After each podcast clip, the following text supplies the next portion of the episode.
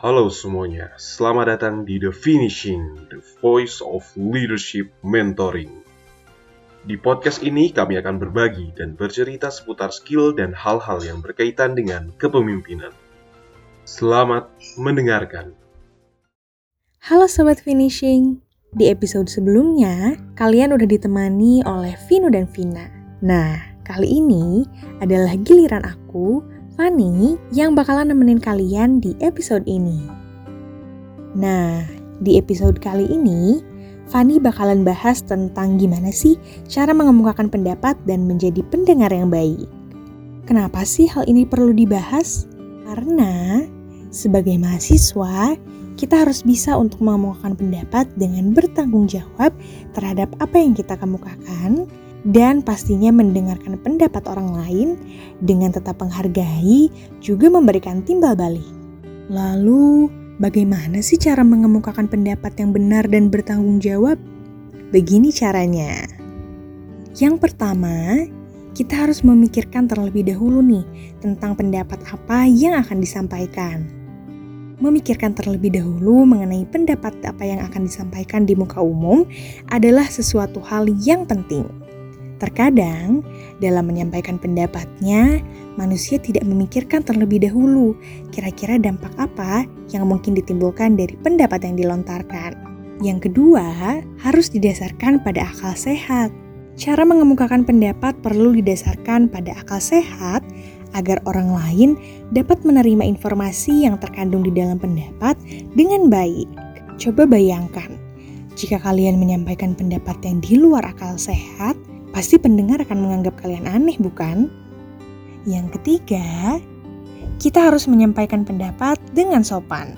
Pendapat yang akan disampaikan harus disertai dengan rasa sopan, karena kita tidak dianjurkan untuk menyampaikan pendapat dengan cara yang tidak dikehendaki agar tidak memperkeruh suasana di dalam proses komunikasi tersebut.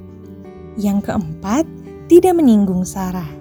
Penyinggungan terhadap Sarah sangat tidak dianjurkan karena pembahasan terhadap Sarah adalah bahasan yang sensitif di kalangan masyarakat. Maka dari itu, perlu kehati-hatian dalam membahas suatu hal. Nah, yang kelima, kita jangan sampai memaksakan pendapat ya. Tidak semua orang bisa setuju atas pendapat yang kita sampaikan. Sebab setiap orang memiliki pertimbangannya masing-masing dalam menyampaikan pendapat. Jadi jangan kecewa ya kalau pendapatmu tidak diterima oleh suatu pihak. Setelah mengemukakan pendapat yang baik, ada juga hubungannya dengan menjadi pendengar yang baik. Menjadi pendengar yang baik adalah salah satu komponen penting dalam kehidupan. Di mana pun kita berada, kemampuan untuk menjadi pendengar yang baik sangat diperlukan demi kenyamanan antar lawan bicara. Lalu, bagaimana ya cara menjadi pendengar yang baik? Begini caranya. Yang pertama, luruskan niat dengan mendengarkan orang lain untuk mengerti. Dengarkanlah orang lain dengan pikiran yang terbuka, bukan dengan penuh prasangka. Ketika kita berkomunikasi dengan maksud untuk memahami, maka kita tidak akan memotong atau menyela pembicaraan lawan bicara kita sebelum mereka menyelesaikan kalimatnya. Yang kedua, tunggu orang lain selesai bicara sebelum merespon.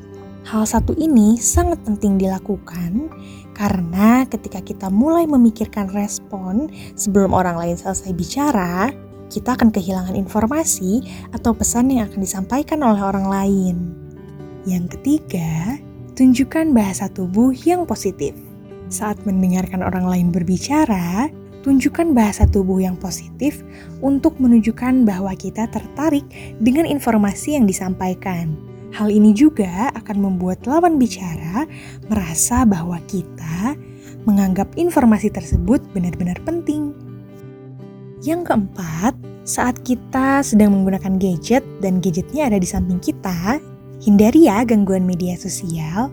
Untuk menjadi pendengar yang baik, yuk coba kurangi gangguan media sosial yang kita miliki.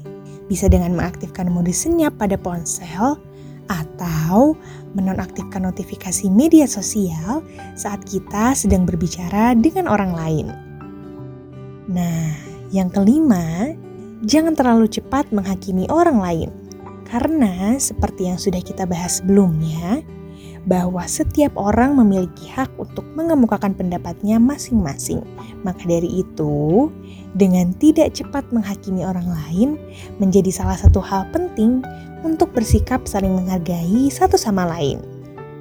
Jadi, pada intinya, mengemukakan pendapat dan menjadi pendengar yang baik merupakan suatu kesatuan dalam keterampilan berkomunikasi karena keterampilan berkomunikasi sangatlah penting agar orang lain dan diri kita sendiri dapat memahami informasi dengan lebih akurat dan benar.